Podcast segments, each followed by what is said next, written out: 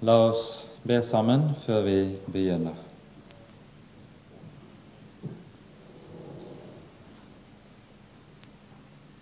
Kjære gode Herre og Hellige Far. Deg takker og lover vi for all din nåde, for all din godhet og all din barmhjertighet imot oss. Takk, Hellige Gud, mest av alt at du har sendt din egen sønn for at han skal være vår frelser og vår redningsmann, og at vi ved ham skal få være dine kjære barn. Herre, nå ber vi deg at du vil sende din ånd og være hos oss under høstens bibeltimer at du vil være hos oss i kveld, og at du, Hellige Ånd, må komme og herliggjøre Jesus for oss, slik at vi kan lære ham å kjenne, lære å stole på og regne med ham i stort og smått i livet, og så til sist bli evig salige. Ja, Herre, kom du. Amen.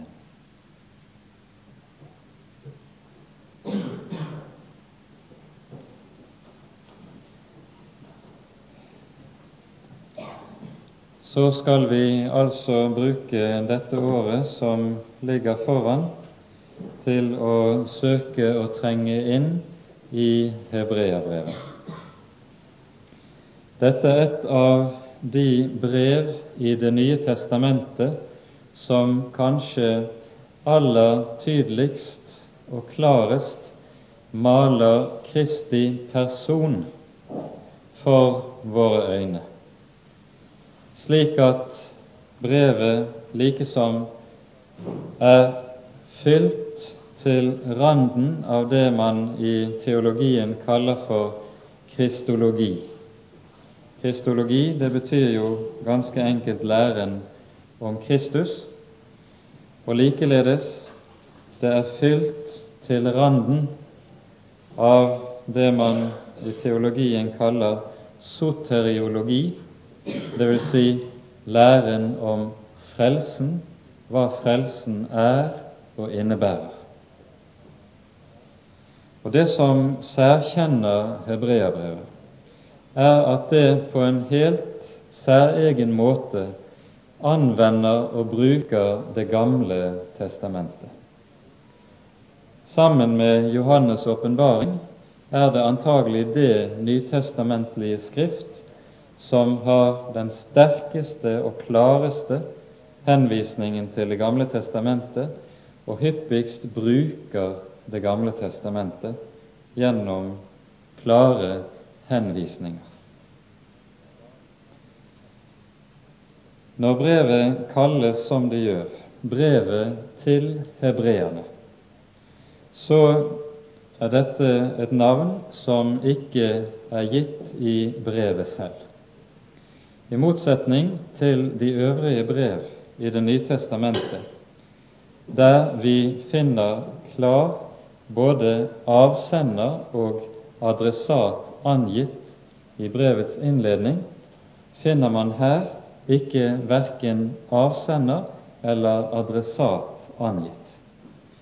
Det er bare ett annet brev som har dette trekket felles med hebreabrevet, og det er første Johannes brev. Ellers så angir forfatteren seg klart og tydelig. Derfor er navnet hebreerbrevet et navn som er overlevert oss fra Oldkirken, der man gjerne hos alle kirkefedrene kaller det med dette navn. Og vi forstår av brevets innhold hvorfor det bærer dette navn. Det er nemlig åpenbart at brevet er skrevet til en jødekristen menighet. Det er en menighet som antagelig utelukkende har bestått av omvendte jøder. Vi merker ingen henspilling til at det skulle være hedningekristne i denne menighet. Og Det gjør at adressaten ikke kan være så svært mange Det er ikke så svært mange valgmuligheter når det gjelder å finne adressaten. Antagelig må det ha vært en menighet i, det, i Palestina, i det gamle Israels område, og det er ikke usannsynlig at det kan ha vært menigheten i Jerusalem det er tale om. I og med at brevet tydelig taler om både forfølgelse og trengsel for Kristi navns skyld, så er det da sannsynlig, dersom brevet er skrevet til menigheten i Jerusalem, at det er skrevet etter år 63 etter Kristus. I dette året døde nemlig Herrens bror Jakob martyrdøden i Jerusalem. Og han var den som var forstander for og leder for menigheten i Jerusalem. Men brevet har ingen henvisning til ødeleggelsen av Jerusalem som skjedde ved romerne i år 70, heller ikke til krigen som gikk forut for dette, og denne brøt ut i år 66, hvilket innebærer at brevet antageligvis er blitt til i treårsperioden mellom år 63 og år 66. Alt dette er antagelser. Man har ingen historiske bevis for noe av dette, men det gir seg ut av en overveiende sannsynlighet. Oppover gjennom kirkehistorien har det vært tallrike spekulasjoner rundt hvem brevets forfatter kan være. I Østkirken ble det tidlig en fastslått oppfatning at det var Paulus som var brevets forfatter. Dette er antagelig ikke riktig. Det gir seg både ut fra språklige grunner Språket i hebreerbrevet har en gresk som vi ikke finner tilsvarende hos Paulus. Men at brevet bærer slektskap med apostelen Paulus' forfatterskap, det er tydelig ut av flere ting også av at vi i det siste kapittel hører Timotius, Paulus' nære venn og medarbeider, omtalt. I vers 23 i det siste kapittelet står det:" Vit at vår bror Timotius er gitt fri. Sammen med ham vil jeg snart se dere, om han kommer snart. Av dette forstår vi at det i hvert fall og sannsynligvis må være noen av de i kretsen omkring Paulus som er brevets forfatter. Og Her har gjetningene gått i ulike retninger. Noen har ment at det kunne være Lukas, andre Barnabas eller Apollos, som vi begge hører omtalt i apostlenes gjerninger. Hvordan dette nå enn forholder seg, vi vet det ikke. Det vi vet, er at brevet er skrevet til en menighet som står oppe i stor trengsel for Jesu skyld. De møter sterk motstand, ja, til forfølgelse grenser det, og denne motstand er av en slik art og en slik karakter at det er mange i menigheten som fristes til å gi opp, gi opp sin kristne tro og bekjennelse for å vende tilbake til sin jødiske tro. I denne sammenheng er det vi ser at brevet kommer inn, for å peke på og vise hvor stor Jesus er, hvor herlig den frelse er som Han har fullbyrdet, og ikke minst dras det likesom en parallell mellom den gamle og den nye pakt, hvor forfatteren søker hele tiden å vise hvor meget herligere den nye pakt er enn den gamle pakt, fordi den nye pakt er grunnet på så meget bedre og herligere løfter. Og det lille ordet 'bedre', bedre, det er et ord som er viktig nettopp i hebreerbrevet. 16 ganger står dette ordet i Det nye testamentet, og 13 av disse gangene finner vi det i hebreerbrevet. Og da hele tiden i den sammenheng at det viser hvor meget bedre den nye pakt er enn den gamle. At dette brevet med sine oppmuntringer og med sine formaninger, og ikke minst også med sine advarsler mot å vende Jesus ryggen, er nødvendig. Det ser vi ikke minst ut av kirkehistorien.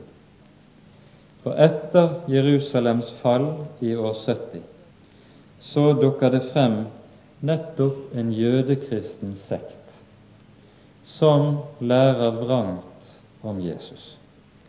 De prøver å tilpasse sin kristne tro til det som er akseptabelt innen jødedommen, og lærer da om Jesus at han ikke var Gud ikke var Guds sønn, men at han var en profet, den største av profetene, og ville holde seg til ham på et slikt grunnlag.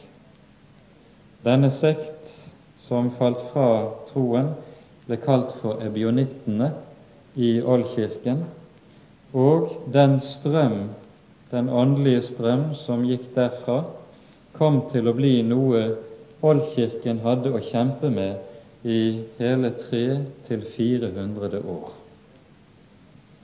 I det den fornektelse av Jesu guddom som lå der, den gikk inn i nye former for avvik fra troen, som stadig var mer raffinerte og forfinede og vanskelige å få øye på.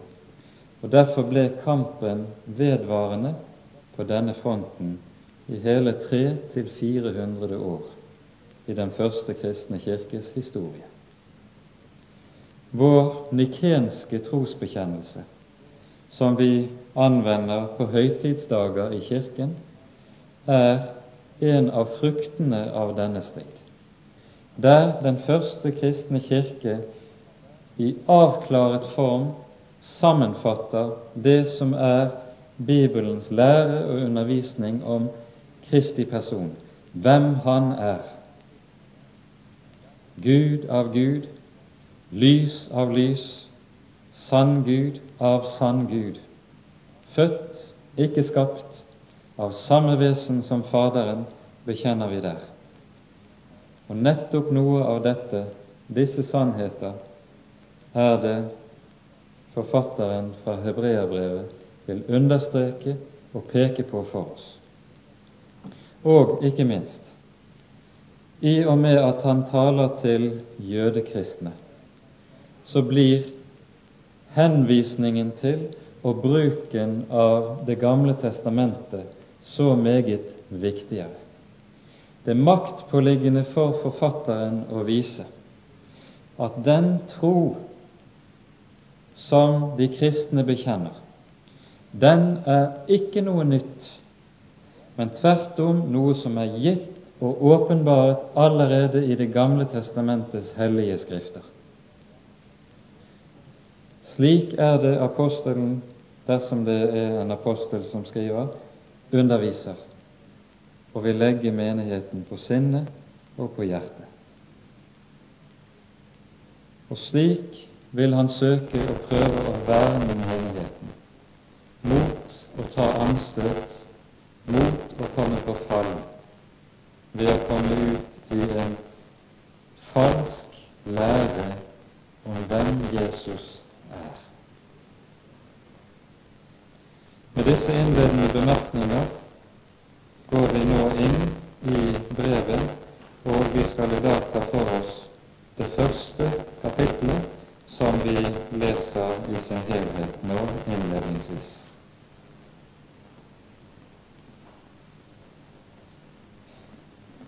Etter at Gud forbund hadde talt mange ganger og på mange måter til fedrene ved profeten, så har han i disse siste dager tar til oss ved Sønnen, som han har satt til arving over alle ting, ved den han vår har gjort verden. Han som er avglansen av Hans herlighet og avbildet av Hans vesen, og som bærer alle ting ved sin krafts ord, og som derfor da han hadde gjort renselse for våre synder, satte seg ved majestetens høyre hånd i det høye, og er blitt så meget større enn englene, som han har arvet et herligere navn fremfor dem. For til hvem av englene har han noen tid sagt, Du er min sønn, jeg har født deg i dag og atter jeg vil være ham en far, og han skal være meg en sønn. Men når han atter fører den førstefødte inn i verden, sier han, og alle Guds engler skal tilbe ham. Men om englene sier han, han som gjør sine engler til vinner og sine tjenere til ildsliver. Men om Sønnen din trone, Gud, står i all evighet, og rettvisets kongestad er ditt rikes kongestad. Du elsker rettferd og hatet urett. Derfor har Gud, din Gud, salvet deg med gledens olje fremfor dine medbrødre. Og du, Herre, grunnfestet i begynnelsen jorden og himlene er dine henders verk. De skal forgå, men du blir, og de skal alle eldes som et klesbord. Som en kåpe skal du rulle dem sammen, og de skal omskiftes. Men du er den samme, og dine år skal ikke få ende. Men til hvem av englene har han noen tid sagt:" Sett deg ved min høyre hånd, til jeg får lagt dine fiender til skammel for dine føtter. Er de ikke alle tjenende ånder, som sendes ut til tjeneste for deres skyld, som skal arve frelse? Amen.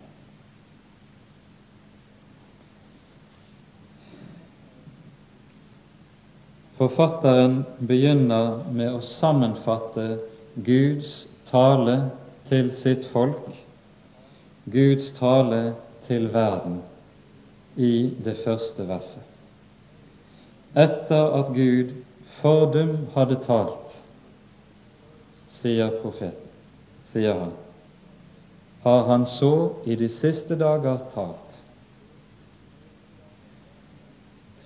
Med dette uttrykk som her brukes, møter vi noe som er uhyre fundamentalt i Bibelen, og slik Den hellige Skrift lærer oss om Gud. Gud har talt. Vi tar ofte det som noe av en selvfølge, og stanser ikke opp for hvilket under dette egentlig er. Gud har talt. Gud er ikke taus. Gud er ikke som filosofenes Gud, som er like som urmakeren som lager sin klokke, trekker den opp og så trekker seg tilbake. Han som er skaperen, har ikke skapt verden og universet slik at han liksom har gjort det, trukket det opp og så går resten av seg selv. At han ikke lenger har noe med verden, med skapningen å gjøre. Tvert om, Gud har talt. Gud, slik Han tegnes for oss i Den hellige Skrift, er en levende og virksom Gud som stadig arbeider, stadig taler, stadig virker inn i menneskenes historie. Og når han slik taler, da gjør han det som er overmåte viktig. Han åpenbarer seg. Han åpenbarer seg. Det betyr at ved at Gud taler, lærer mennesket som han får i tale, ham å kjenne som den han er. Og det kan ikke understrekes sterkt nok. I det Gud taler og gir seg til kjenne, lærer vi Han å kjenne som den Han er. Hvorfor sies og understrekes dette her? Jo, fordi ganske særlig siden opplysningstiden har det vært en dominerende åndsstrøm i hele det europeiske og vestlige åndsliv, og derfor også i store deler av moderne teologi. At man tenker slik om åpenbaringen at i åpenbaringen da møter vi egentlig ikke Gud slik han er, men man møter kun menneskers subjektive opplevelse av Gud. Noen mennesker har opplevd Gud slik, andre mennesker har opplevd Gud slik, og så er Bibelen utelukkende beretning sub, om subjektive opplevelser.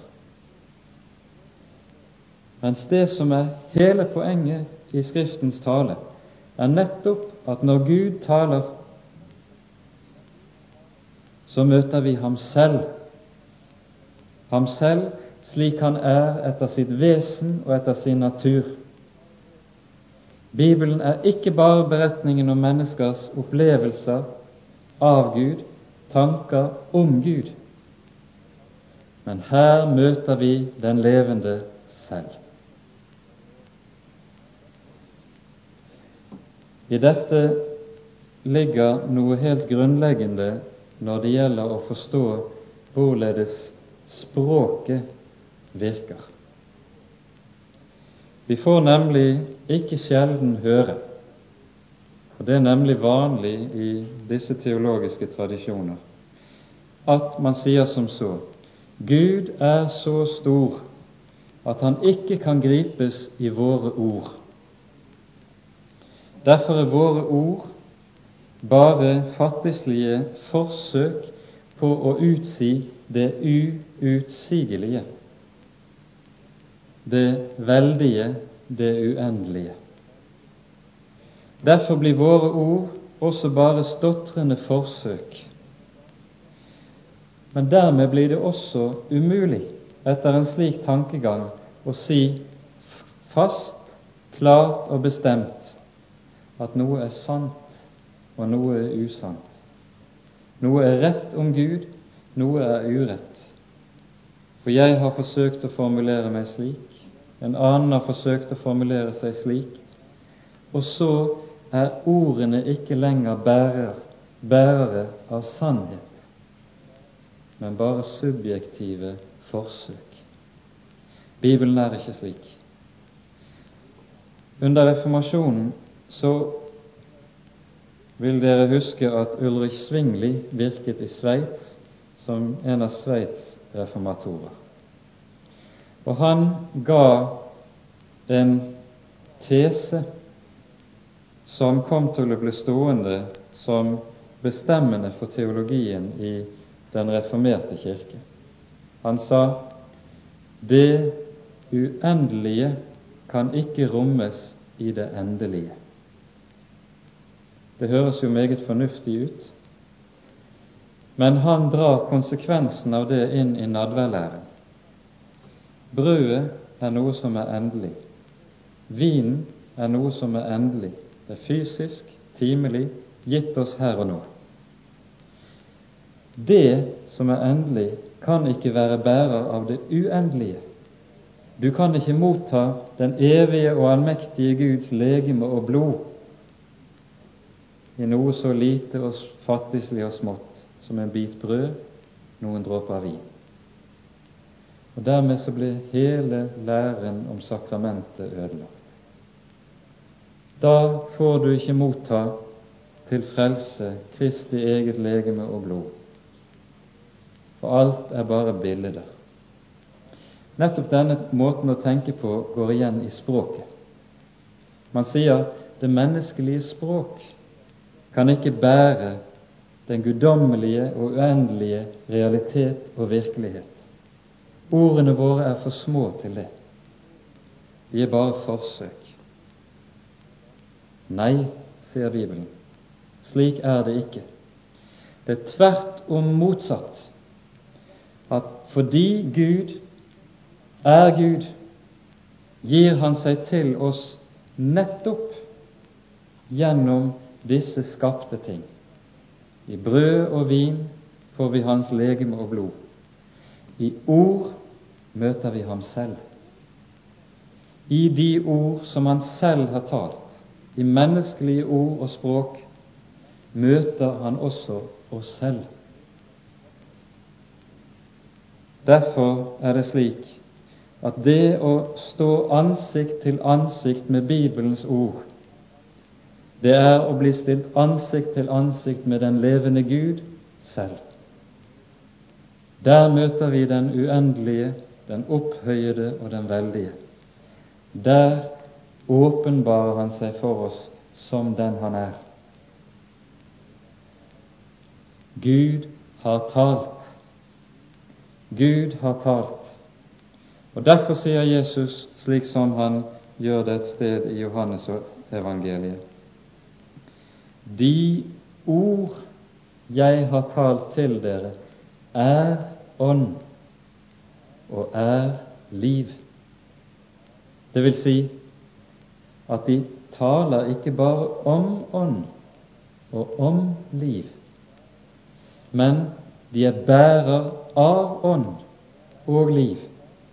De er bærere av Den hellige ånd, av det evige liv, slik at når vi hører og tar til oss disse ord, så kommer Den hellige ånd og med ham det evige liv og tar bolig i oss. Slik tenker og taler Skriften om seg selv og om Guds ord. Og nettopp fordi det er slik, så kan også Den hellige Skrift lære oss at vi skal ha lov til å tale klart, tydelig og bestemt om hvem Gud er, og hvordan Gud er. Derfor sier apostelen Paulus i brevet til, andre brevet til Timotius Jeg vet på hvem jeg tror. Tenk for en visshet. Tenk for en frimodighet som ligger i det. Han sier 'Jeg vet på hvem jeg tror'. I dagens åndsklima, om noen skulle stå og si noe sånt, så vil han få beskjed om at han både var hovmodig og arrogant. For hvem kan våge seg til å si at han vet noe om Gud? Men den som kjenner Guds ord, tror dette ord og bøyer seg for dette ord, han vet noe om Gud, og han har lov til å si 'Jeg vet', og bekjenne det. Med klare og tydelige ord.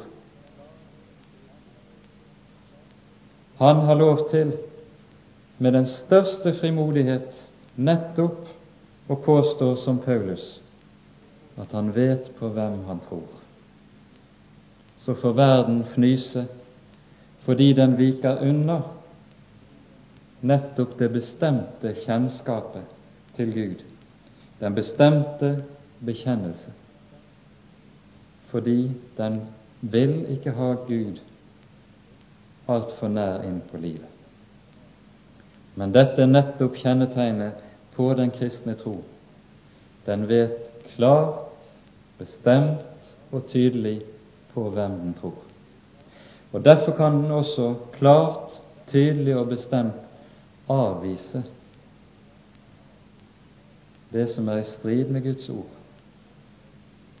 Avvise det fordi den vet at slik lære, slik undervisning, det har ikke ånd og ikke liv i seg, men fører andre veier, ja, motsatt vei. Gud har talt, begynner brevet med å peke på for oss. Grunn nøye på hva som ligger nettopp i dette, at her i Guds tale møter vi ham selv. Lærer vi ham selv å kjenne. Og just dette er det jo det evige liv også består i. I å kjenne Ham, den eneste sanne Gud, og Han ham utsendte, Jesus Kristus. Og her, når vi taler om å kjenne slik, så taler vi om å kjenne på nøyaktig samme måte som når to personer står overfor hverandre og har lært hverandre å kjenne.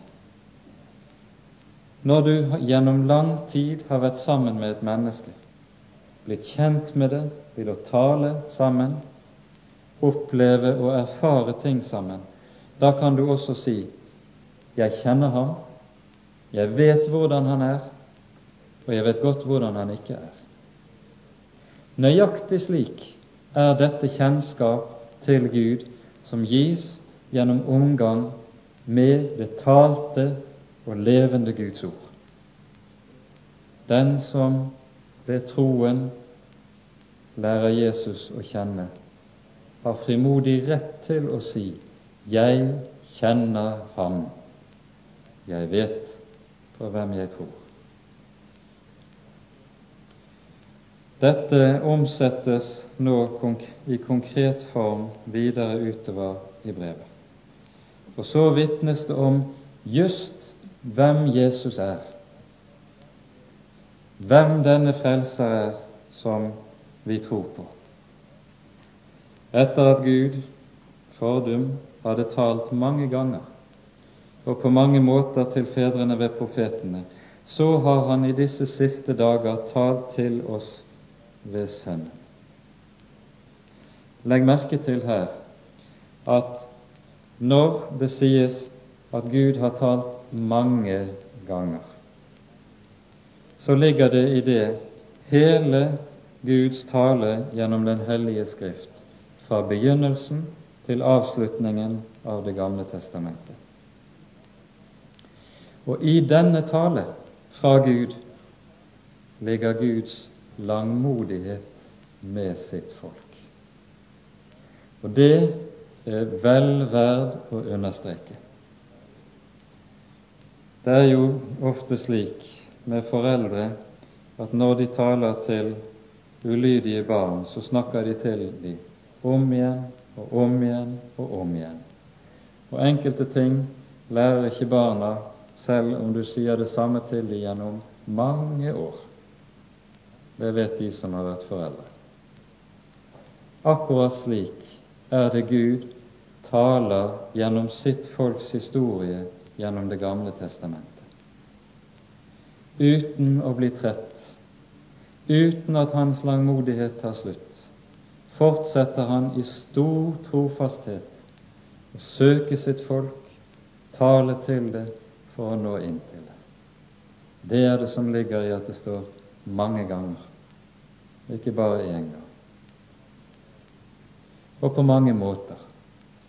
Til det siktes det at Gud i den gamle pakts tid ikke bare talte i ord, men også gjennom mange ulike slags bilder og forbilder. Og et av disse forbilder som Gud har talt på i den gamle pakt, er noe av hovedtemaet i hebreerbrevet, nemlig offertjenesten i Det gamle testamentet, som nettopp utlegges som en tjeneste som er en anskuelsesundervisning om hva Kristi død til soning for våre synder betyr. Han har talt på mange måter. Men nå, i disse siste dager, har han talt til oss ved Sønnen. Ved Sønnen. Og i dette ligger det som er noe av det helt grunnleggende som, som vi nå får trenge nærmere inn i. Når Gud nemlig skulle sende frelse til vår jord, så var det ikke tilstrekkelig bare å sende en engel. For en engel kunne ikke frelse. Om englene er nokså store, nokså veldige i makt. Vi leser jo i forbindelse med beleiringen av Jerusalem i Jesajas 37. og 38. kapittel at én en enkelt engel gikk ut og slo hele asyrernes hær på 180 000 mann. Det skulle ikke mange engler til, det var nok med én. Men om disse enn hadde aldri så mektige makt nok til å frelse mennesket, har de ikke. Han kunne ikke sende engler, han måtte sende Sønnen. Og så vil han vise oss klart og tydelig hvem denne Guds sønn er, hvor stor han er, han som kom til vår redning. Han er ikke bare en profet, for profetenes tid var Det gamle testamentets tid. Nei, han er Guds sønn. Derfor ser vi også at det er en grunnleggende forskjell på hvordan Jesus taler i Det nye testamentet, og hvordan profetene taler i Det gamle testamentet. Profetene, når de trer frem, så sier de 'Så sier Herren'. Men når Jesus trer frem og taler, så trenger han ikke å vise til en autoritet utenom seg selv, over seg selv for han er selv Herren, kommet i kjød.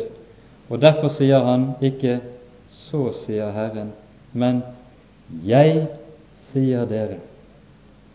Jeg sier dere. Tenk igjennom hvor ofte vi møter den måten å tale på i Det nye testamentet. Jesus sier om igjen og om igjen 'Sannelig, sannelig sier jeg dere'. Det viktigste med denne talemåten er nettopp at her understreker Jesus sin guddommelige myndighet. Slik hadde ingen rabbiner lov til å tale. Slik hadde ingen lærd lov å tale, og slett ingen profet. Slik taler kun Han som selv er Gud, og taler med guddommelig myndighet og makt.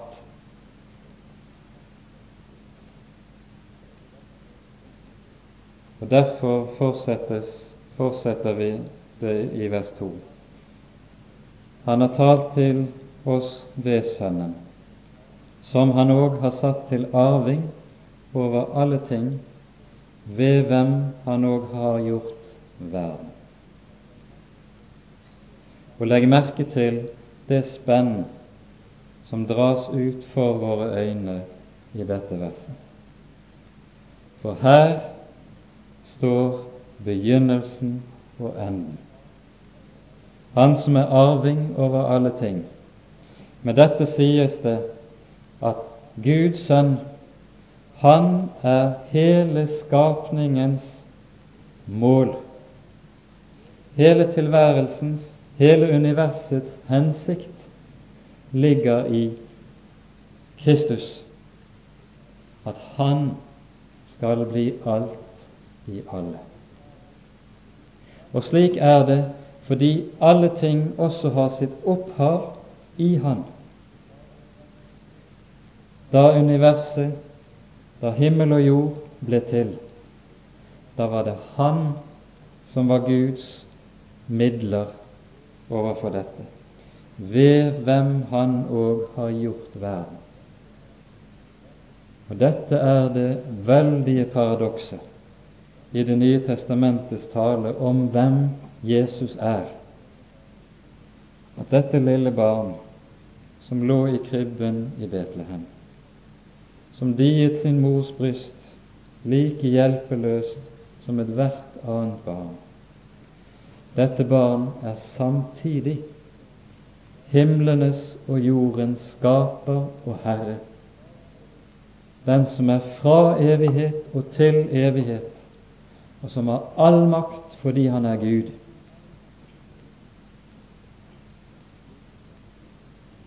Og like som fornuften steilet over det den gang, har fornuften steilet i møte med denne sannhet siden. Men her er det ikke fornuften som er dommer. Gud gjør som Han vil og spør ikke oss til råds. Derfor, når dette sies her i vers 2, er det at Jesus i Johannes' åpenbaring bærer navnet begynnelsen og enden. Han sier 'Jeg er den første og den siste', begynnelsen og enden. Dette er Hans storhet og Hans herlighet. Og Så lyder det videre i vers 3.: Han som er avglansen av Hans herlighet og avbildet av Hans vesen. Her beskrives noe nærmere forholdet mellom Faderen og Sønnen. Et forhold som vi ikke kan utgrunne og ikke kan forstå, men som vi kun må ta imot slik det står beskrevet i Guds ord, og tro det som det står. Avglansen av Hans herlighet, avbildet av Hans vesen. I Johannesevangeliet uttrykker Jesus dette slik, ved å si det enkelt og tydelig. Den som har sett meg, har sett Faderen. Det vil si at vil du møte Gud, skjer det utelukkende gjennom å møte Jesus. Derfor er det også slik at mennesker vel kan snakke meget om at de tror jo på Gud, men det er ikke kjennetegnet på den kristne tro. For det er mange slags religioner som tror på Gud. Det som er kjennetegnet på den kristne tro, det er troen på og bekjennelsen til Jesus. Troen på og bekjennelsen til at Jesus er Gud, og i ham åpenbares Faderen og den allmektige for oss. Og at denne Gud åpenbares ikke for oss noe annet sted. Derfor, og la det understrekes, skal vi være skeptiske med alt det religiøse snakket om Gud som vi stadig hører i våre dager. Det er ikke kristendom. Det er allmennreligiøsitet. Det som nettopp bestemmer hva som er kristendom og kristen tro, det er at Jesus er der, at Kristus er der som den Bibelen lærer oss at han er. At et menneske sier 'jeg tror på Gud', gjør ham ikke til en kristen. Men at et menneske sier 'jeg tror på Jesus', Jesus er min frelser, det gjør ham til en kristen. Fordi, som Jesus sier, den som har sett meg, har sett Faderen. Kristus er avbildet av Guds vesen. Og I dette møter vi også noe av det underlige som vi møter en rekke steder ellers i Det nye testamentet, på bakgrunn av det som står i skapelsesberetningen i Første Mosebok, der det taler om Guds bilde. Gud skapte mennesket i sitt bilde, leser vi i Første Mosebok. Det betyr ikke bare at mennesket ble skapt slik at det bærer en gudlikhet i seg,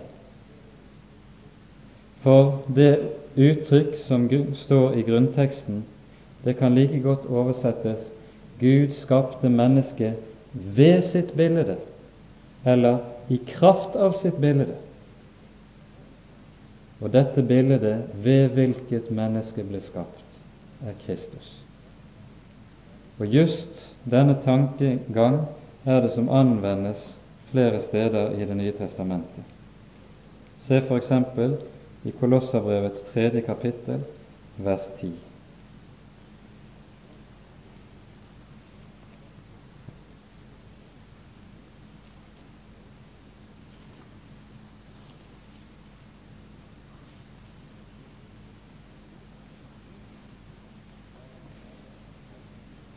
Her er det tale om frelsen, for frelsen er hva? Det er og består i å fornyes til Guds sønns bilde. Det vi var skapt til opprinnelig, har synden på mange måter forkludret, fordunklet og ødelagt.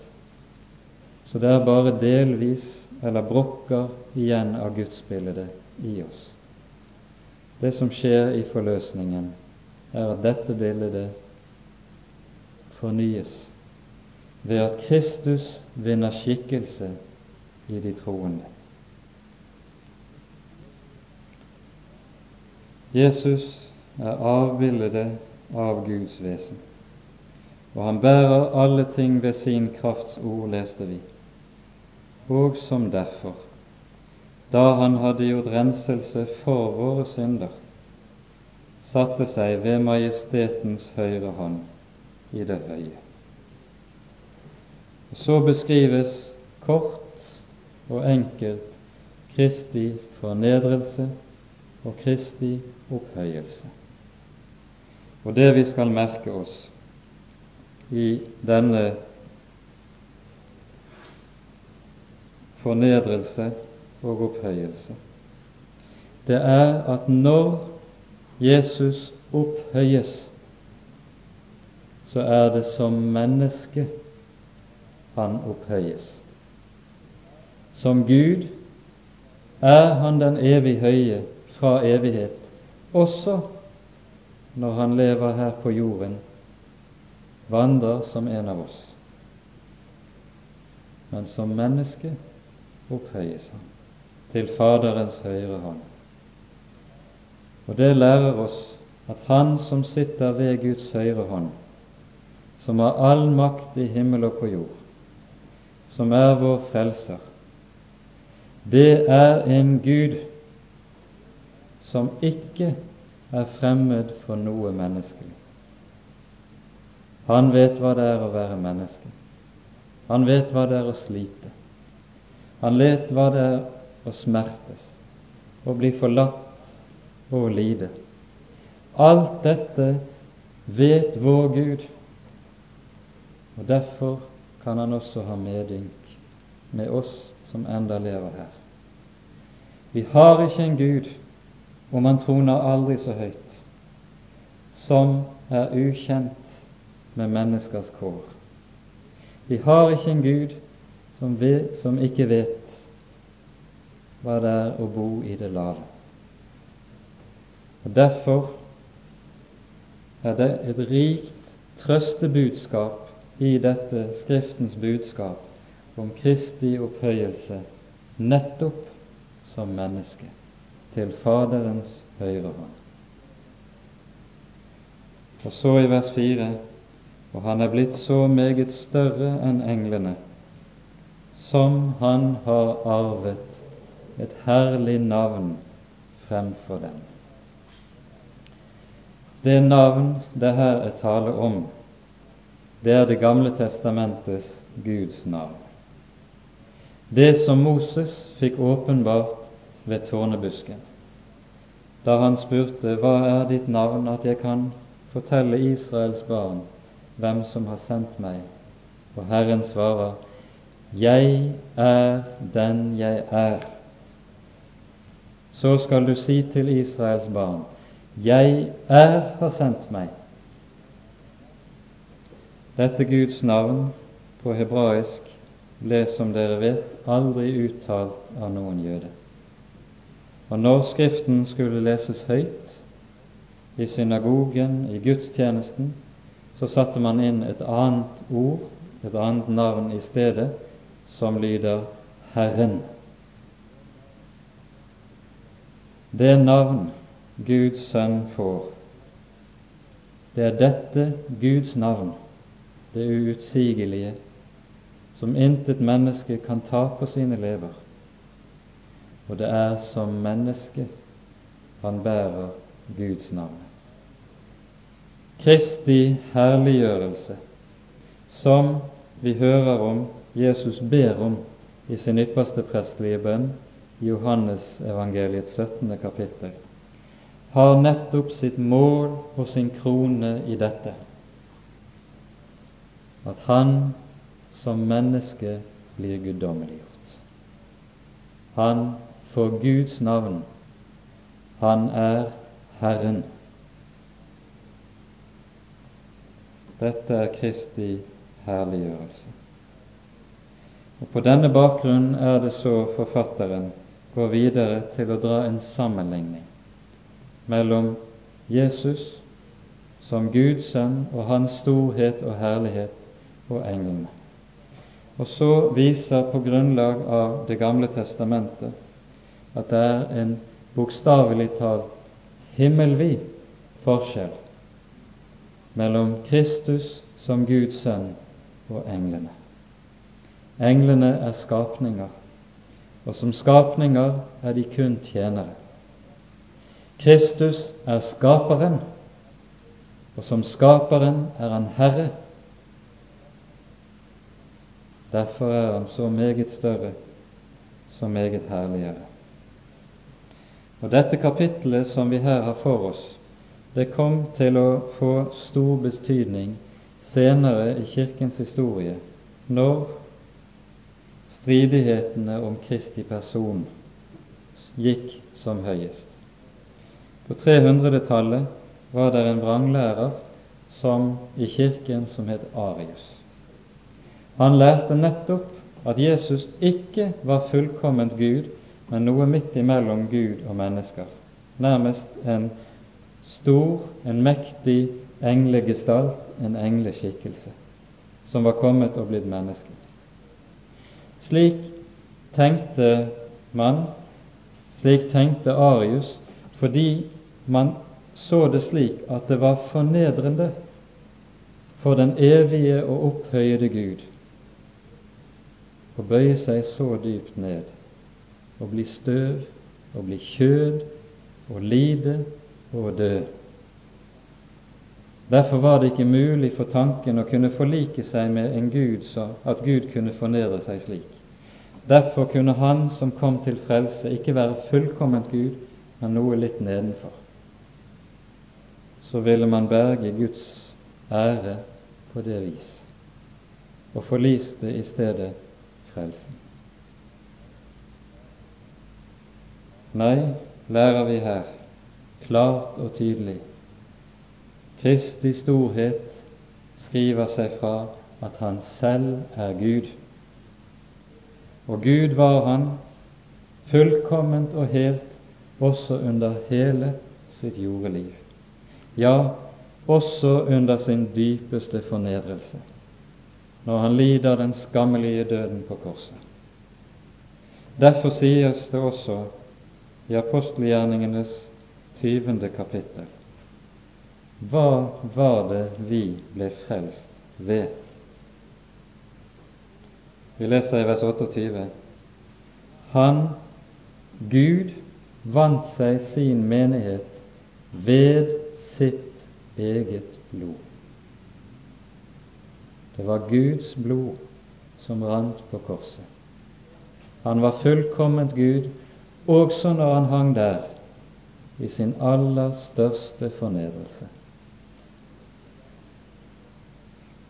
Så gi da akt på dere selv og hele den jord som Den hellige ånd satte dere til tilsynsmenn i, for å vokte Guds menighet som Han vant seg ved sitt eget blod.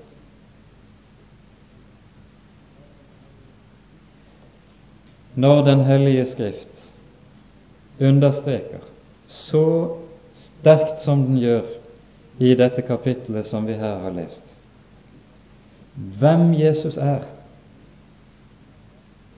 at han er Gud, at han er Gud og menneske i en og samme person. Hvorfor gjøres det? Jo, det er fordi det bare er Gud som kan frelse. En engel kan ikke frelse. Et menneske kan ikke forløse. Om det er aldri så edelt, aldri så godt, aldri så høybårent, Frelse kan det ikke, fordi det vi skal frelses fra, er synden og døden og djevelen. Og til det duger ingen annen enn Gud selv. Derfor er det slik at hele vår frelse nettopp henger på at Jesus er den han er, ingen annen, intet mindre. Og Derfor var det også kampene rundt Kristi person, hvem han var i den gamle kirke, ble utkjempet med så stor lidenskap og med så stort alvor. Fordi man visste det er vår frelse som står på spill dersom vi mister av syne hvem vår frelser er. Så se da hvor stor han er, sier forfatteren til hebreabrevet noe senere, lenger ut i brevet sitt. Og just dette er det han vil hjelpe oss til i dette kapittelet. Så se da hvor stor han er. Og dette kan vi aldri få grunnet nok på. Ære være Faderen og Sønnen og Den hellige ånd, som var, er og være skal, en sann Gud høylovet i evighet. Amen.